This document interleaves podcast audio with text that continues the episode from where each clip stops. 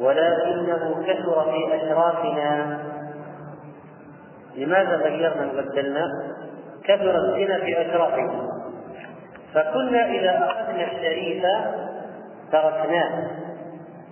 إذا أخذنا الشريف تركناه. وإذا أخذنا الضعيف أقمنا عليه الحد قلنا تعالوا فلنجتمع على شيء نقيمه على الشريف والوضع فجعلنا التحميم والجد مكان الرجم فقال رسول الله صلى الله عليه وسلم اللهم إني أول من أحيا أمرك إذ أماتوه. فأمر به فرجل فأنزل الله عز وجل يا أيها الرسول لا يحزنك الذين يسارعون في الكفر إلى قوله إن أوتيتم هذا فخذوه يقول أوتوا محمدا صلى الله عليه وسلم. ما معنى إن أوتيتم هذا فخذوه يعني إنه يعني يؤتوا محمدا صلى الله عليه وسلم. فإن أمركم بالتحميل والجد فخذوه. وإن أفتاكم بالرجم فاحذروا. فأنزل الله تعالى ومن لم يحكم بما أنزل الله فأولئك هم الكافرون. ومن لم يحكم بما أنزل الله فأولئك هم الظالمون. ومن لم يحكم بما أنزل الله فأولئك هم الفاسقون. في الكفار في الكفار كلها. هذه الآية. ما معنى الحديث؟ مر يعني مر قوم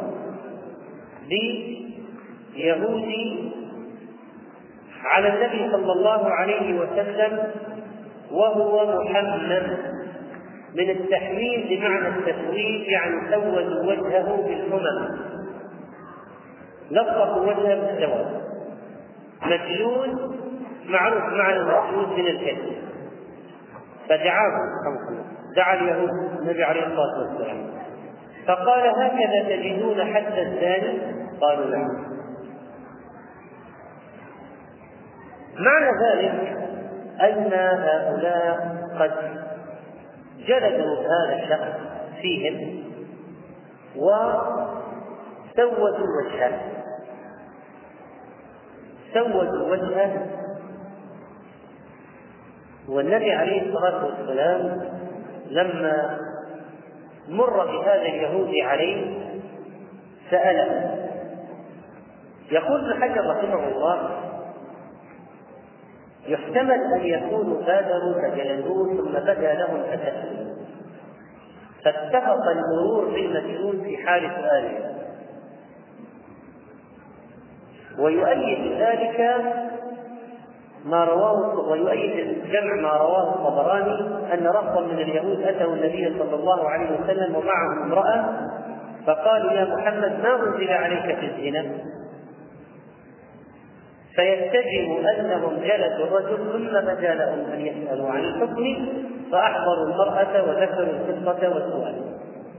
فدعا رجلا منهم هو عبد الله بن سوريا يهودي من من احبابه فقال عليه الصلاة والسلام نشدتك بالله وانشدتك وناشدتك يعني سألتك وأقسمت عليك بالله. هل تجدون هذا في كتابكم؟ أن الزاني هذا عقوبته تسويد الوجه والجلد قال لا ليس كذلك. ولولا أنك سألتني بهذه الطريقة وحرجت علي وحلفتني بالله الذي أنزل التوراة على موسى ما اعترف ما اعترف. لكن ما دام سألتني بهذه الطريقة أنا مضطر للاعتراف. ونحن غيرنا وبدلنا والسبب أن الزنا انتشر في أشرافنا الكبراء والوجهاء والرؤساء. فصرنا إذا أخذنا الذي له واسطة ترك ما عقدنا. وإذا أخذنا الضعيف رجلنا. والفقير والمسكين والذي ليس له ظهر ولا ظهير. فصار عندنا تناقض ونوع من الكلام. ليش الضعيف كذا والكبير كذا؟ فعملنا اجتماع. عملنا اجتماع لمناقشة الموضوع وخرجنا برأي نفذناه. أن الثاني أيا كان يسود وجهه بالفحم بالكمم وهي الفحم أو الفحم. خلاص. هذا هو هذه العقوبة. فغيرنا الحكم الشرعي وجعلنا هذا بدلا من الحكم الشرعي عندنا.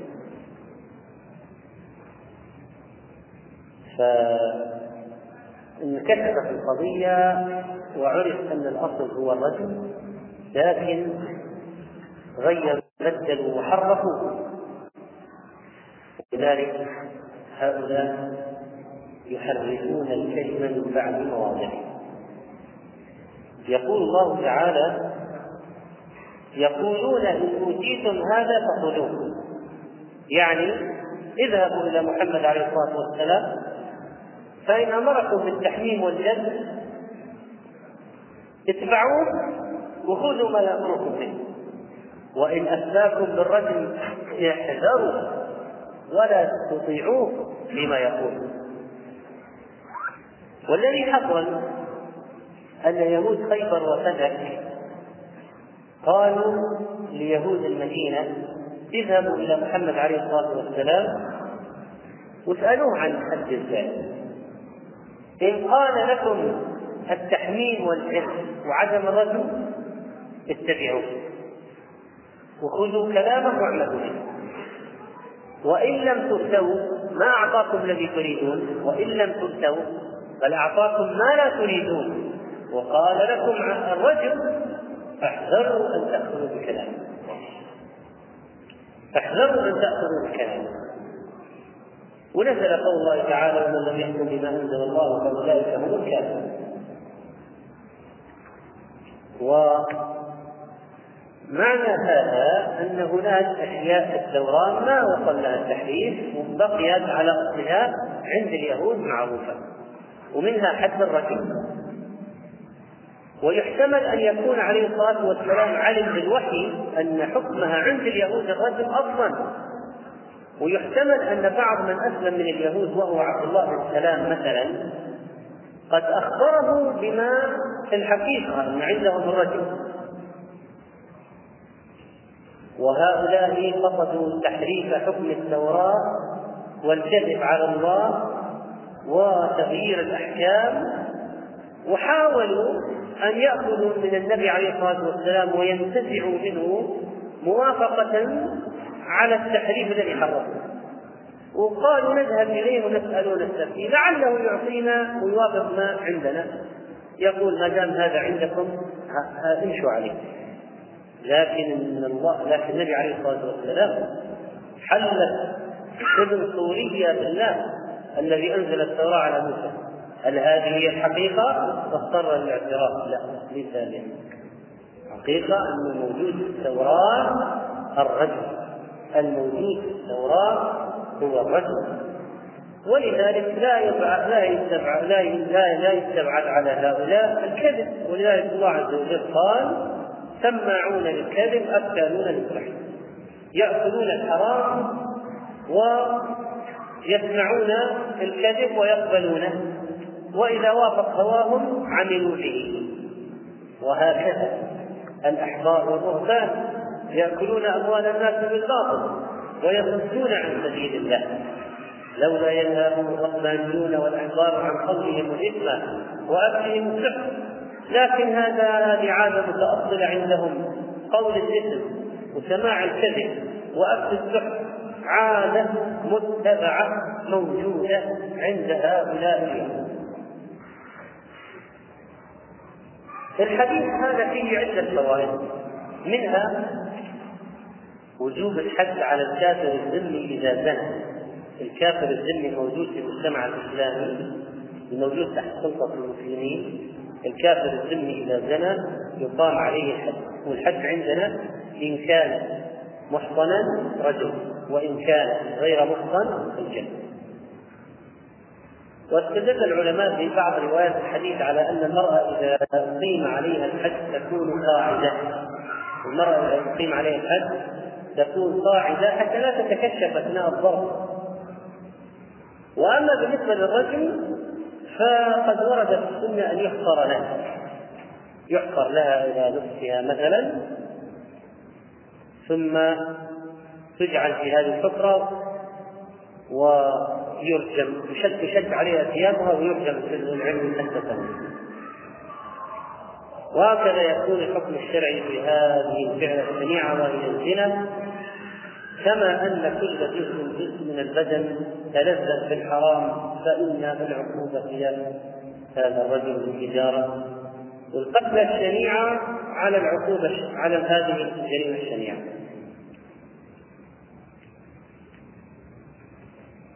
ما حكم اصل شهادة الكافر؟ هذا مما يؤخذ من الحديث مسألة قبول شهادة الكافر. ذهب جمهور علماء إلى أن الكافر لا تقبل شهادته على المسلم ولا على الكافر لا في الحج ولا في غيره لا في السفر ولا في الحضر. وبعض التابعين جماعة من التابعين وبعض الفقهاء قالوا إذا لم يوجد مسلم في مسألة إذا لم يوجد مسلم نقبل شهادة الكافر في السفر خاصة كما هو مذهب أحمد رحمه الله. وقال بعضهم إذا لم يوجد مسلم قبلنا شهادة الكافر. يعني نحتاج تحتيج الشهادة. تحتيج الشهادة ولا وكذلك فإن الحديث يدل على رجل المحصن الذي سبق له الوقت في نكاح صحيح. هذا هو المحصن من هو المحصن الذي يرجم؟ الذي سبق له الوضع في نكاح صحيح هذا محرم خلاص عند ذلك يرجم إذا ثبت عليه الزنا وهنا مسألة هل يجلد ثم يرجم أو يرجم مباشرة؟ ورد عن علي رضي الله عنه أنه أتي بمحصن زنى أو بامرأة محصنة زنى. فقال أجلدها بكتاب الله أو جلستها بكتاب الله ورجمتها بسنة رسول الله صلى الله عليه وسلم لأن الرجل ثبت في السنة والجلد ثبت في كتاب العدل لكن الراجح والله أعلم أنه يرجم فقط. الزاني المحصن لا يجلد بها ثم يرجم يرجم مباشرة وهذه أشنع. الرجم يعني كافيه وهو موت بالحقيقة لأنه ما ثبت في السنة رجم أن النبي عليه الصلاة والسلام لما رجم ماعز ما نقل أنه جلده لما رجم الغامدية ما نقل أنه جلدها إذا الرجل خطأ وكذلك الحديث يدل على أن أنكحة الكفار صحيحة. لأنه ما قال هذا اليهودي الذي رجم يمكن عقد نكاحه غلط وبالتالي يكون غير محرم. لا. اعتبر نكاح الكافر صحيح ورجمه بناء عليه. اعتبره صحيح ورجمه بناء عليه.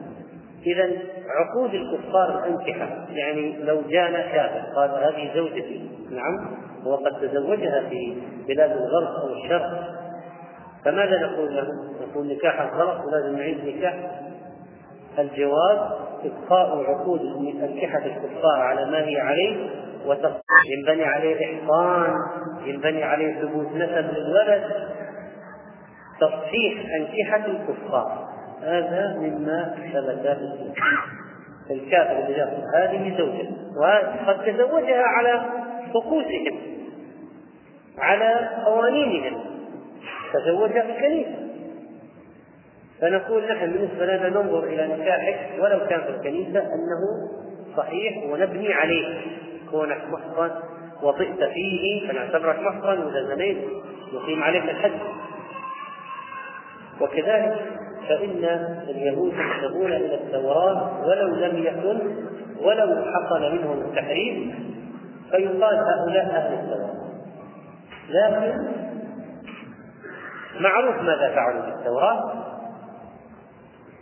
وقد بقيت بعض التوراة على الأقل بعد التوراة إلى عهد النبي عليه الصلاة والسلام بعضها سليم ما أصابه التحديث منها آية الرجل لأنه جاء في الحديث أنه قال هذه التوراة فأتوا بالتوراة فاتلوها كنتم صادقين فوضع صاحب مدراتهم يده عليها وقرأ التي قبلها والتي بعدها. فلما أزيلت يده وجدوا آية الرجل قد أخفاها. هذا يدل على أن بعض التوراة بقيت صحيحة سالمة منها صفة محمد صلى الله عليه وسلم. يعني التوراة اشتغل التحريف عليها من زمان اشتغلوا التحريف عليها. لكن إلى عهد النبي عليه الصلاة والسلام كان باقي بعض التوراة لم يصبه التحريف مثل آية الرجل وصفة محمد صلى الله عليه وسلم يجدونه مكتوبا عندهم في التوراة والإنجيل. وكذلك فإن هذا الحديث المتعلق بهذه الآية يبين القصة كيف نزلت. وعندما نفهم سبب النزول نفهم الآية في آه، أوسع وأشمل فهم يا أيها الرسول لا يحزنك الذين يسارعون في الكفر. ما معنى يسارعون في الكفر؟ يظهرون آثار عند أدنى مناسبة وفي كل فرصة يسارعون في الكفر.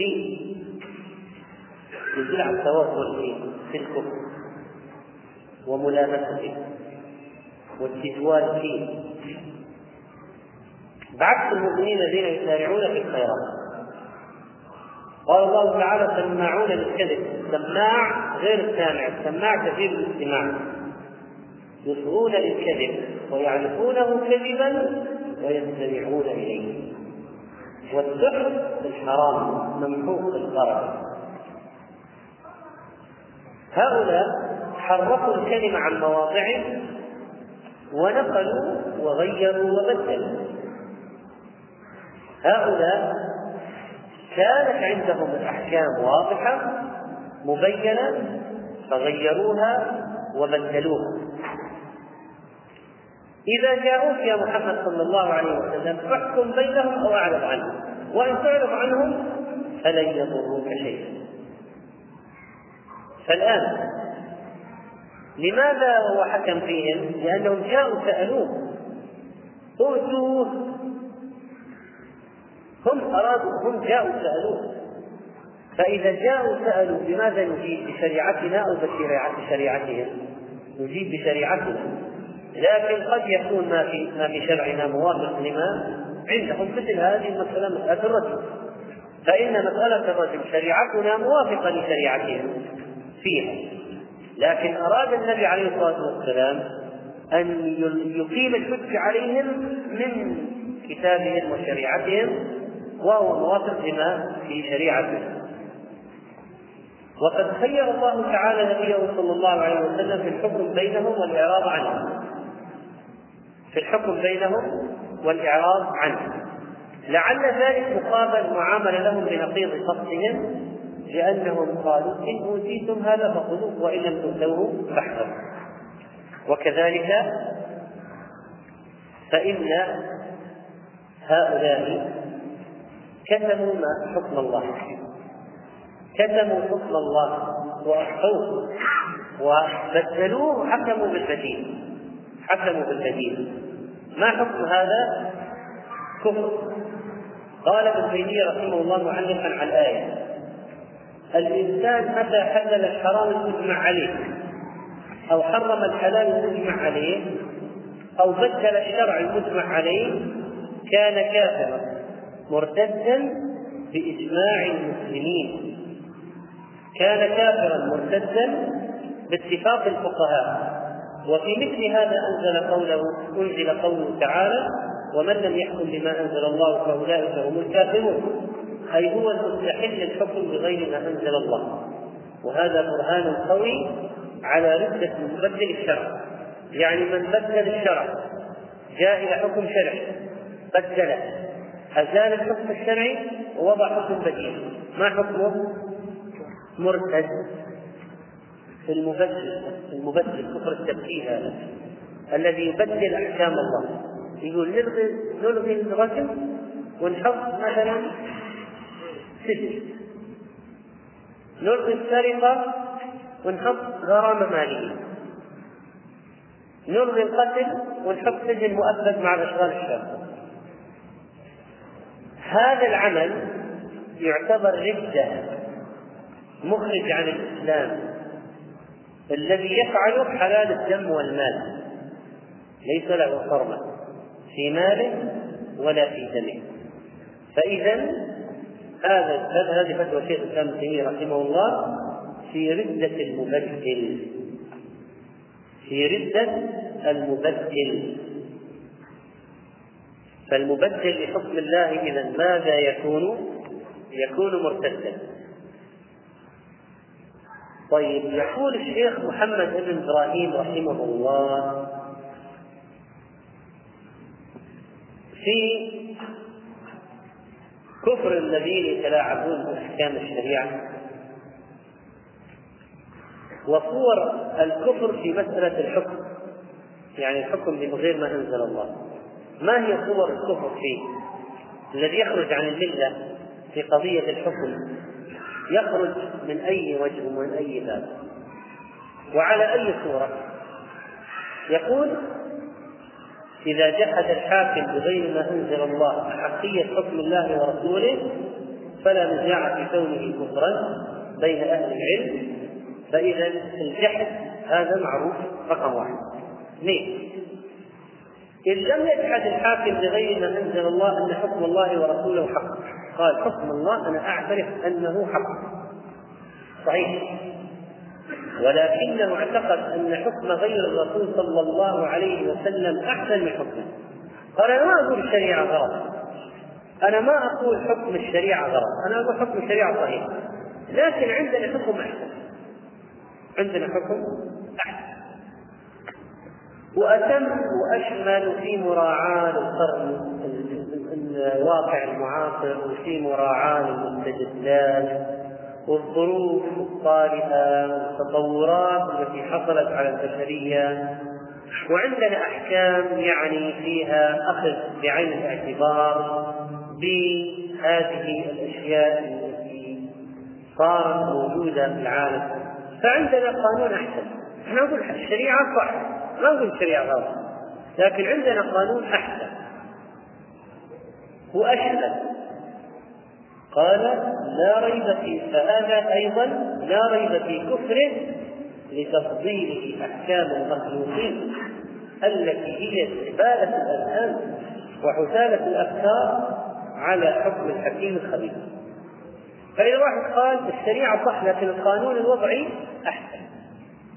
كافر مرتد خارج عن المله يقتل مرتد.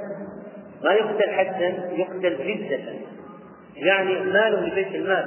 ورثة المسلمين لا يرثون شيء لأن هذا مرتد. ثلاثة. أن لا يعتقد كونه أحسن من حكم الله ورسوله لكن اعتقد أنه مثله. قال أنا أجيب قانون. أنا أقول الشريعة صح. كل الشريعة مضبوط لكن عندي قانون يجوز أن يحكم به مع الشريعة. يعني لو قال اللي يبغى الشريعة هذه الشريعة اللي يبغى القوانين هذه القوانين.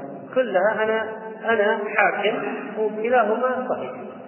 اللي يبغى الشريعة مكتوب لها لوحة إلى المحكمة الشرعية. اللي يبغى القانون مكتوب لها يروح للقانون. كله إحنا نطبق الجميع. نطبق الشريعة ونطبق القانون. اللي يبغى يروح للشريعة يروح للشريعة اللي يبغى القانون يروح للقانون هذا أيضا كافر مرتد حلال الدم والمال لا يقبل الله منه صرفا ولا عدلا طيب. هذا رقم ثلاثة. أربعة. من اعتقد جواز الحكم بما يخالف الله ورسوله فهو كالذي قبله. لو قال الشريعة أحسن. أنا حطيت قانون لكن الشريعة أحسن من قانون. لكن يجوز الحكم بهذا القانون. يجوز. الشريعة أحسن وأفضل لكن هذا أيضا ماشي كافر خارج عن الإسلام مرتد لماذا؟ لأنه يجوز الحكم بغير ما أنزل الله يجيزه. يعني يقول يعتقد أن التحاكم إلى غير الشريعة جائز. حتى لو اعتقد الشريعة أحسن وأفضل وأشمل وأجمل وأكمل كل هذا ما ينفعه في عدم الكفر. يكفر يخرج عن الملة. خامسا يقول الشيخ محمد بن إبراهيم آل الشيخ رحمه الله في صور الكفر الأكبر من أعظم ذلك وأظهره معاندة للشرع ومكابرة لأحكامه ومشاقة لله ولرسوله إيجاد المحاكم الوضعية التي مراجعها القانون الوضعي كالقانون الفرنسي أو الأمريكي أو البريطاني أو غيرهما من مذاهب الكفار وأي كفر فوق هذا الكفر وأي مناقضة للشهادة بأن محمدا رسول الله بعد هذه المناقضة. طيب إذا إيجاد محاكم وضعية العملية الإيجاد هذه كفر مخرج عنه ما يحكم به كثير من رؤساء العشائر والقبائل والبوادي ونحوهم من حكايات آبائهم وأجدادهم وعاداتهم التي يسمونها سلومهم. سلوم. السلوم كلمة عند البادية معناها القانون اللي ماشي في القبيلة. سلوم. يعني قوانين موجودة في القبيلة يمشون عليها. يعتقدون أنه لا يجوز لا لا يمكن الخروج عنها. يعني أي واحد من أفراد القبيلة لا يجوز له أن يخرج عنها. والذي يخرج عن سلوم القبيلة هذا يقاطع آه، لا يزوج لا تجاب دعوته لا يسلم يتبرأ منه. هكذا تجتمع القبيلة على مقاطعته إذا خالف السلوم. فما حكم العمل بهذه الأشياء ولو كانت غير مكتوبة. لأن هذه أشياء بين العشائر والقبائل محفوظة يعني محفوظة. كل الأب يعلم الأب يعلمها للإبن والإبن يعلمها وهكذا. تتداول بينهم. إذا صار كذا تذبح صاروخين لو ذبحت واحد ما يمر لازم اثنين. خلاص. مقرر عليه وأربعة. ومقرر. حكم. هذا حكم. لا يمكن لا يمكن مخالفته أصلا لو ذبحت ثلاثة بدل أربعة ما انت ما خطأ ومتبرأ منك ومقاطع وإذا ما مشيت إيش حكم هذا؟ يقول شيخ يقول الشيخ شيخ شيخ محمد إبراهيم رحمه الله ما يحكم به كثير من رؤساء العشائر والقبائل والبوادي ونحوهم من حكايات آبائهم وأجدادهم وعاداتهم التي يسمونها سلومهم يتوارثون ذلك منهم ويحكمون به رغبة واعراضا عن حكم الله يعني نروح المحكمة الشرعية يقول لا. لومنا قبيلة. هذا كفر أكبر خارج عن يعني ليفعل الذي يعتقد به كافر. كافر خارج عن المله لأنه خلص إيش الفرق بين إنك تعملها دستور مكتوب في المحكمة الوضعية وبين إنك تعملها آه يعني ما جمع عرف ما هو ما هو فقط عرف. شيء مطبق ملزم لافراد القبيلة. يعني يحفظ حفظا يتداول يحفظ حفظا إيش الفرق؟ نفس الشيء وقال الشيخ عبد العزيز بن رحمه الله وقد أجمع العلماء على أن من زعم أن حكم غير الله أحسن من حكم الله أو أن غير هدي رسول الله صلى الله عليه وسلم صلى الله عليه وسلم أحسن من هدي الرسول صلى الله عليه وسلم فهو كافر كما أجمعوا على أن من زعم أنه يجوز لأحد من الناس الخروج على شريعة محمد صلى الله عليه وسلم أو تحكيم غيرها فهو كافر ظالم. فإذا الذي يقول ممكن فلان وفلان وفلان ما تنطبق عليهم الشريعة. ممكن يجوز أن يستثنى يجوز أن يستثنى فلان وفلان وفلان وفلان من أحكام الشريعة. هذا كافر. لأنه اعتقد جواز خروج ناس عن الشريعة هو اعتقاد أنه يجوز أنه يطبق عليهم أحكام أخرى. أو هؤلاء مستثنون من الشريعة. ومجموع هذه العبارات لعلماء الأمة السابقين واللاحقين لا تترك مجالا للشك في تقرير هذه الحقيقة التي طالما تعامى عنها بعض الناس رغم وضوحها وضوح الشمس يقول العلامة الشنقيطي رحمه الله وبهذه النصوص السماوية يظهر غاية الظهور. أن الذين يتبعون القوانين الوضعية التي شرعها الشيطان على ألسنة أوليائه مخالفة مخالفة لما شرعه الله على ألسنة رسله مخالفة لما شرعه الله على ألسنة رسله أنه لا يشك في كفر إلا من طمس الله بصيره وأعلاه من نور الوحي مثلهم وقال الشيخ أحمد شاكر المصري رحمه الله وهو من محدثين أرض الكنانة من العلماء المعاصرين. هذه القوانين التي فرضها على المسلمين أعداء الإسلام أعداء الإسلام هي في حقيقتها دين آخر. جعلوه دينا للمسلمين بدلا من دينهم الثاني وأوجبوا طاعته وغرسوا في قلوب المسلمين حبها وتقديسها. حتى لقد تجرى على الألسنة والأقلام أو تجري على الألسنة والأقلام كثير من كلمات من كلمات هؤلاء مثل تقديس القانون قدسية القانون حرم المحكمة محراب القضاء أو القضاء غير الشرعي. وأمثال ذلك من الكلمات. بل يصفون الشريعة بكلمات الرجعية والجمود والكهنوت شريعة الغار إلى أمثال ما ترى في الصحف والمجلات والكتب العصرية التي يكتبها أتباع أولئك المسلمين ثم صاروا يطلقون على القوانين ودراستها كلمة الفقه والفقيه والتشريع والمشرع. خلاص يعني صار قضية التشريع والمشرع صارت في القوانين. ما هو بشريعة الله فيقول المشرع كذا المشرع من بلد قال شرع كذا وهذا الشرعية أو الشرعية الدولية. كفر أكبر مخرج عن الله وش الشرعية؟ هي الكتاب والسنة فمن اعتقد أن هناك شرعية غير الكتاب والسنة يكفر على طول مباشرة. إذا قال هذا صحيح يجب أن نتحاكم القانون الدولي. نقول الذي يعتقد بجواز التعاقد القانون الدولي كافر خارج عن ملة الإسلام. لا يقبل الله منه صرفا ولا عدلا. طيب لو واحد قال أنا معتقد أن هذا القانون الوضعي كفر لكن ما عندي طريقة آخذ حقي إلا به. يقول يا أخي أنت في بلد فيها محكمة شرعية الله يديم عليك النعمة. لكن أنا في بلد ما في محكمة شرعية. أنا كل قانون وضع وما عندي طريقة أحصل على حقي إلا بالقانون الوضعي ماذا أفعل؟ هذا لو ذهب للقانون الوضعي ليحصل على حق وليس على باطل. ما عنده طريقة إلا هذه؟ لا يكون كافرا. لا يكون لأنه يعني هو معتقد أن هذا كفر. بس لجأ إليه اضطراب ما عنده حل آخر. ومن أجل الحصول على حق وليس من أجل الحصول على باطل ولا ازدياد من الدنيا. ولذلك فرق بين هذا فرق بين الذي يذهب إلى القانون الوضعي معتقدا جواز الحكم بالتحاكم إليه وأنه يجوز العمل به وبين من يذهب إليه مضطرا وهو معتقد إنه كفر.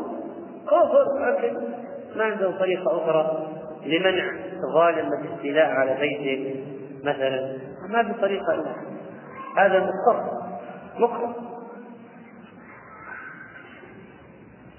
فهذه الصور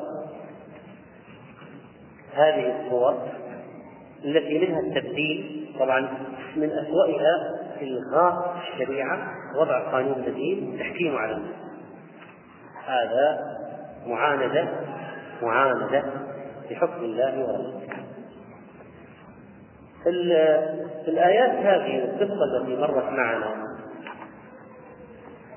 فيها مسألة أيضا وهي قضية اتباع الهوى في الوصول إلى رخصة موافقة لهوى النفس.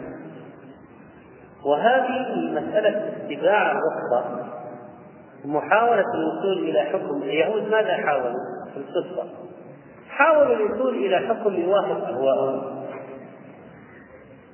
حاولوا أن يجدوا ممثل يجدوا طريقا إلى أن يحصلوا على الحكم الذي يريدونه وبعض الناس اليوم مع المفتين يفعل ذلك. يحاول مع الشيخ يمين وشمال يأخذ ويدور به. حتى يجيبها على الطرف الذي يريد. وبعض هؤلاء المفتين وأهل العلم أذكياء يعرفون من كلام من أسلوب الشخص أنه متلاعب فيرفضون الإسلام. يروح اذهب اغرب عني لن أجيبك. أنت غير صالح ما لك جواب عندي اذهب. طرد هذا وجيه. طرده. لأن هذا يريد التلاعب حتى يصل على إلى ما يريد. فيوعظ ويطرد. ما هو ما هو صادق. مرة يقول لك مرة. فكل كل ما تقدم في السؤال خطوة أعطاك معلومات أخرى كان مخفيها أو أشياء يغير. مرة يقول كنا ما وهكذا فيغير أثناء السؤال. فمثل هذا المفتي لا بد أن يطرده. لأنه إذا أعطاه جوابا على ما عرضه من هذه الأشياء الألاعيب كأنه ينساق معه أو يؤيده على ما يقول. ولا يجوز لإنسان مسلم أن يفعل هذا يجب أن يكون صادقا في الاستفتاء وأن يقبل كلام المفتي. الآن اليهود قالوا نذهب إلى محمد صلى الله عليه وسلم. إن أعطانا ما نريد قبلنا وإن أعطانا ما لا نريد رفضناه. بعض الناس مثل اليهود يذهب إلى الشيخ يقول للسبت إذا قال لا يجوز أخذناه. إذا قال لا يجوز كأن غيره إن أوتيتم هذا فخذوه وإن لم تؤتوا فاحذروا. ما حكم هذا العمل؟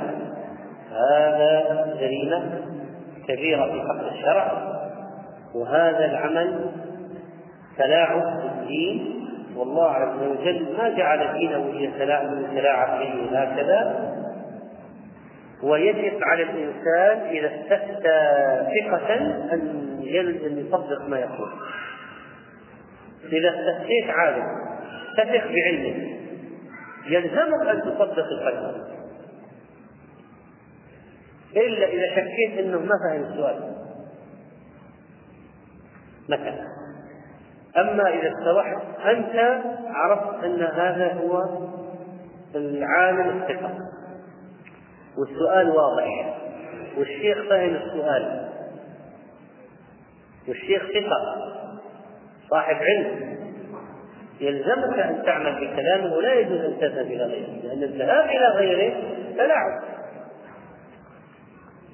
ولذلك العامي مذهب مذهب مفتيه العامي مذهبه مذهب مفتيه يقول في شرح مختصر التحرير لو أفتى المقلد لو أفتى المقلد مفت واحد وعمل به المقلد لزمه قطعا ولا وليس له الرجوع إلى فتوى غيره في تلك الحادثة بعينها.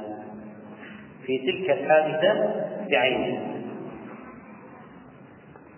ومن علامات تعظيم حرمات الله أن الإنسان يعظم شرع الله ولا يتتبع الرخص ولا يتتبع الرخص إن وعد الله حق.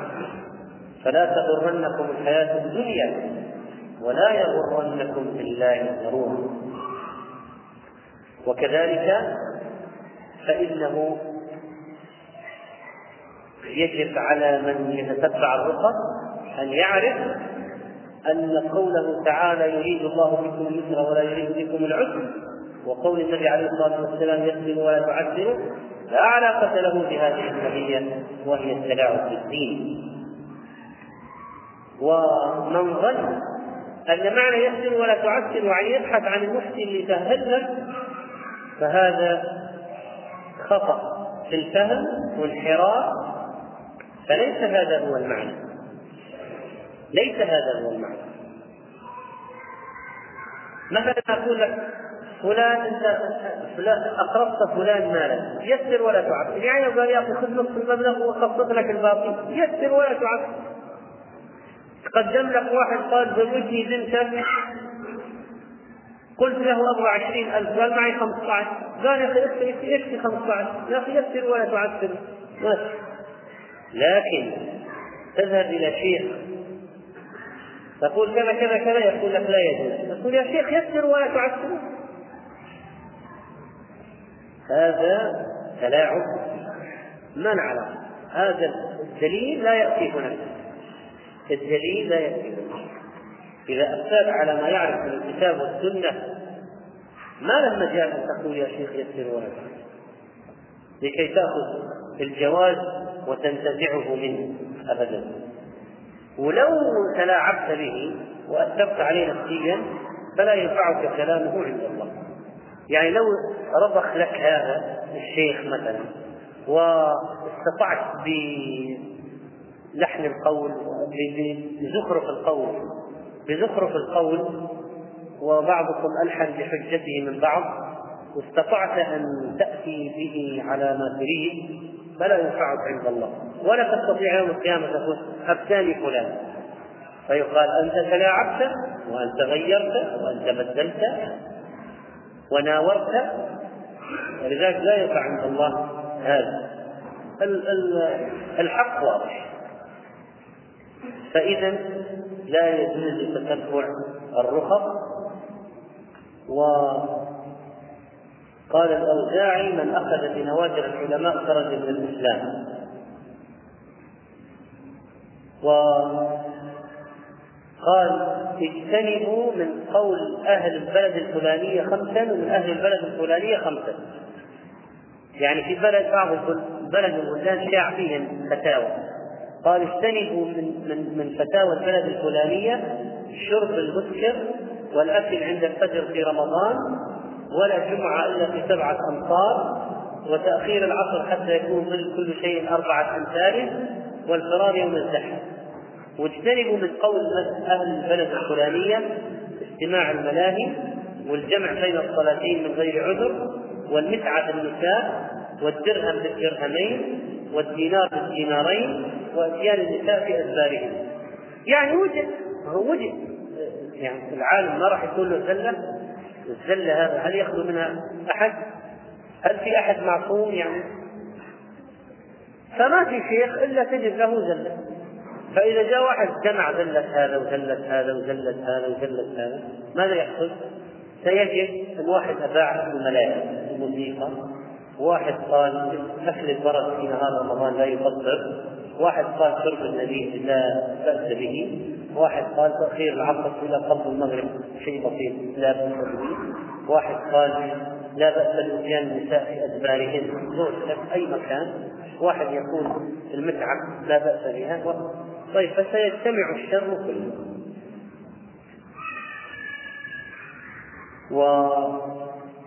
ولذلك قالوا من تتبع رخص العلماء تفسق أو خرج من دينه.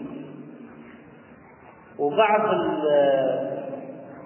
أهل الأهواء وأصحاب الدنيا يريد أن يتقرب إلى الخليفة يريد أن يتقرب إلى الخليفة فجمع له كتابا في رخص في الرخص. قال أنا صنفت لك كتاب كله من كلام العلماء الحمد لله ما جبنا شيء. كله من كلام العلماء جمعت لك الكتاب فيريد يعني أن يتقرب إلى إليه فجمع له هذه مصنف واعطاه إياه. فأمر المعتضد بإحراق ذلك الكتاب. يرحمه الله. قال هذا ما ما انطلق عليه. عرف. فبعض الناس مع الأسف يستعمل دائرة معلوماته الواسعة في إرضاء السلاطين في الفتاوى. فلان وهكذا. ويقول ابن حزم وطبق أخرى قوم بلغ فيهم رفقة الدين وكلة التقوى إذا اختلف ما وافق أهواءهم في قول كل قائل فهم يأخذون ما كان رخصة من قول كل عالم مقلدين له غير طالبين ما اوجبه النص عن الله تعالى وعن رسوله صلى الله عليه وسلم. وقال الشاطبي بالإجماع على أن تتبع رخص المذاهب بغير المستند الشرعي فسق لا يحل. اعتبر تتبع الرخص فسق فاسق. الذي يتتبع الرخص يعتبر فاسقا. و كذلك يقول القرافي رحمه الله القرافي ولا ينبغي للمفتي إذا كانت المسألة قولان أحدهما فيه تشديد والآخر فيه تخفيف ان يفتي العامه بالتشديد والخواص من ولاة الأمور بالتخفيف. وذلك قريب من الفسوق والخيانة في الدين والتلاعب بالمسلمين ودليل فراغ القلب من تعظيم الله تعالى وإجلاله وتقواه وحب الرئاسة والتقرب للخلق دون الخالق نعوذ بالله من صفات الغافلين فبعض الناس مثلا يصل به الجرأة أن يقول إذا جاء واحد أصحابه يقول شوف ترى إحنا نقول للناس ما يدري. بس أنت على كذا هو يميز. يقول أصلا ما هو أي واحد. نقول له لكن أنت معنا فهذا يدل على رفقة الدين وعلى أن الدين عند مثل هؤلاء صار لا قيمة له. ولذلك من كان يقلد شيخا معينا فترك تقليده واتباع الهوى إلى شيخ آخر ينكر عليه. ينكر عليه. فهذه طائفة من كلام العلماء في عدم جواز تتبع الرخص وعدم الأخذ بالتشافي وعدم اتباع الهوى والرضوخ في حكم الله ورسوله وأنه إذا استفتى عالم ثقة يلزمه أن يعمل بكلامه ونسأل الله سبحانه وتعالى أن يجنبنا الزلل وأن يهدينا سواء السبيل.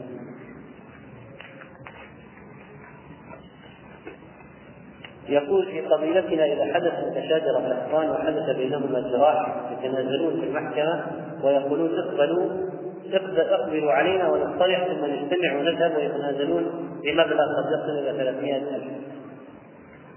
فرق بين الصلح وبين تحكيم قوانين القبيلة. فإذا قالوا نحن نصطلح ما في مانع نصطلح ولا على مليون ما هي مشكلة ما دام تراضى الطرفين لكن لو قالوا نحن لدينا قوانيننا الخاصة فإذا أخذونا الشرطة للمحكمة نتنازل في المحكمة فوريا لكن نرجع إلى إلى قوانين القبيلة. نرجع إلى قوانين القبيلة. فنحن في الظاهر بس في المحكمة هذه من أجل نخلص يعني نتنازل. لكن في النهاية نحكم قوانين القبيلة. هذا حرام لا يجوز لكن لو قالوا نحن نصطلح فيما بيننا ويقول القاضي اصطلحنا خلاص تنازل تنازل وفي مبلغ بيننا تنازلنا بالمبلغ على مبلغ معين اصطلحنا على مبلغ معين فلا بأس بهذا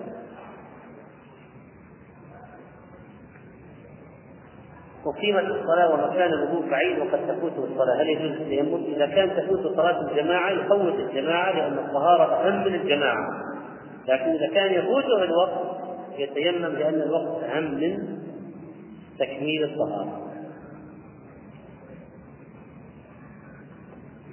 اشتريت أرض وأنا أعرضها للبيع لغرض إذا احتجتها بعتها ما دام ما جزمت بالبيع ما جزمت بالبيع فليس عليك البيع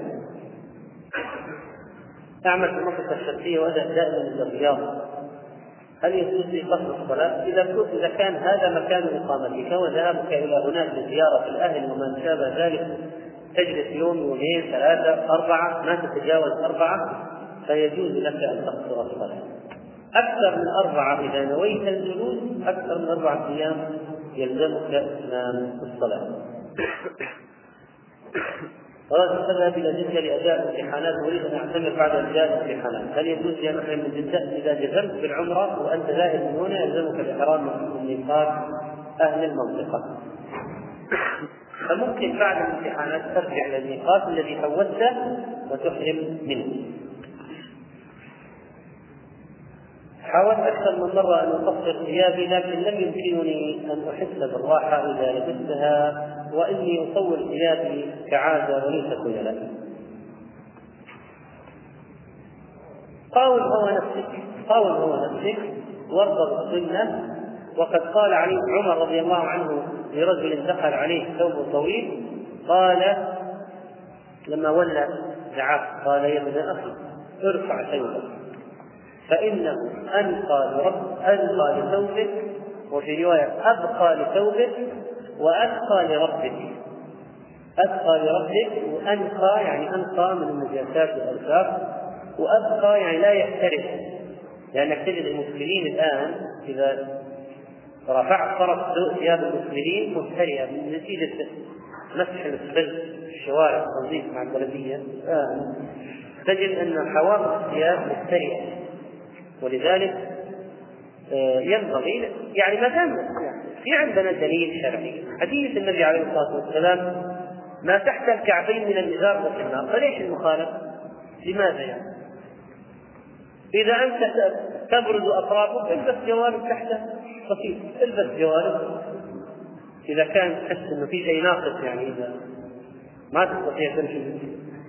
البس جوانب الحل فيه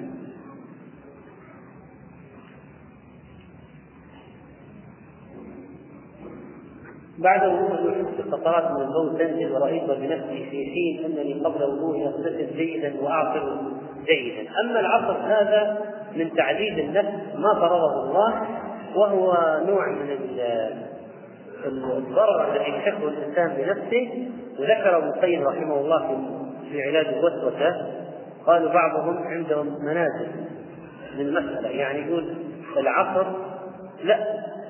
يعني هي إجراءات بالحقيقة هو هو قاموس طويل آه، إجراءات. الموسوسين يظن أن الله سيحاسب على قطرة البول التي داخل المجرى اللي ما بعد خرج طيب إذا خلاص ما يمكن تقبل ولا صلاه لأن كل واحد فيه البطن وفيه النجاسه كل واحد مكانته فيها بول إذا صار الله يحاسبنا على ما في داخل الجسم ما يخاف لا ما إذا ما في واحد يخلو من النجاسة حينئذ. لا لابد يكون فيه لابد يكون فيه غائط أو بول داخل الجسم. ولذلك العلماء قالوا إنه لا حكم لها إلا إذا خرجت حكم النجاسه هذه متى يصير لها حكم النجاسه إذا خرجت إذا خرجت ثم ذكر ابن القيم رحمه الله ما يعذب به هؤلاء أنفسهم من العصر والاحتشاء يقول يحتشي في الماء يدخل أشياء فيتعذب ويحس حرق. ثم بعد ذلك يقول النحنحة. ثم آه، القفز على سلم بعد النكر النكر والعصر والحشاء ثم والنحنحة ثم قال ويقفز درجات السلم سوق الوسوسة إلى أي درجة؟ يعني يجي إلى سلم وهو جالس يقفز إلى الدرجة التي بعده. يقول يمكن تنزل مع قطرة مع آخر درجة. آخر درجة. يجنون إلى آخر درجة. فلذلك يجب الانتهاء عن هذا لأنه مصاحب الشيطان صلى مع الإمام من بداية الصلاة وركع الثالثة ركع الإمام ورفع من الركوع ولم يتمكن الرجل من إدراك الركوع بل ركع بعد رفع الإمام. نعم يتابع الإمام ولا يتخلف عنه إلا لعذر. بدون عذر لا يجوز أن يتخلف. إنما جعل الإمام ليسمى به فإذا ركع فاركعوا.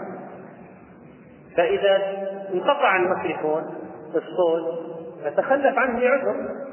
يدركه يعني يركع ويرفع ويتابع الإمام في هل يجوز دعاء الله وحده عند القبور بحجة تبرك المكان؟ كلا. ما يدعى الله عند القبر تبركا بالمكان. هذا من الغلو. وإنما يدعى الله عند القبر لأجل الميت. يجعل القبر بين بينك وبين الكعبة بعد الدفن. وهذا بعد الدفن. ولذلك لو قال واحد أنا أريد أن أدعو لكن ألتمس المقابر لأن مكان إجابة. نقول غلوت في دين الله. أين الدليل؟ ابتدعت أين الدليل على أن القبور مكان إجابة؟ وين الدليل؟ بالعكس هذا فتح باب الغلو في الاموال الشرك هل يجوز دفع الزكاة لإخواننا المسلمين في أفغانستان؟ طبعا لأنه اجتمع عليهم الظلم والبغي والفقر والعري وهدم المنازل والجوع كل الآفات فلذلك هم بحاجة فعلا ويستحقون الزكاة. رجل مقعد لا يستطيع أن يخدم نفسه فقام أبناؤه بتقصير لحيته بسبب أن الأكل الأكل يدخل بينها يجعلون له يجعلون له منجيلا ونحوه بحيث إنه يربط فلا فلا يأتي الاكل على اللحيه وبذلك يتلاقون قصا آه، لكن يقصون الشارب لأن السنة وردت بقص ما قال عن الشفة العليا وقال عليه الصلاة والسلام من لم يأخذ بشاربه فليس منا. وهذا ظاهره تحريم الإسقاء. وإيجاب الأخذ. من لم يأخذ بشاربه فليس منا فيأخذ ما قال عن الشفة العليا. لم ادفع زكاة الفطر من العام الماضي. تتوب إلى الله وتخرجها فورا. أضع مصحفا صغيرا في قميصي وأحيانا أدخل الحمام سهوا. ليس عليك شيء. أتيت المسجد وأنت تصلي التراويح دخلت مع الجماعة في العشاء. وبعد السلام أتممت العشاء فعلك صحيح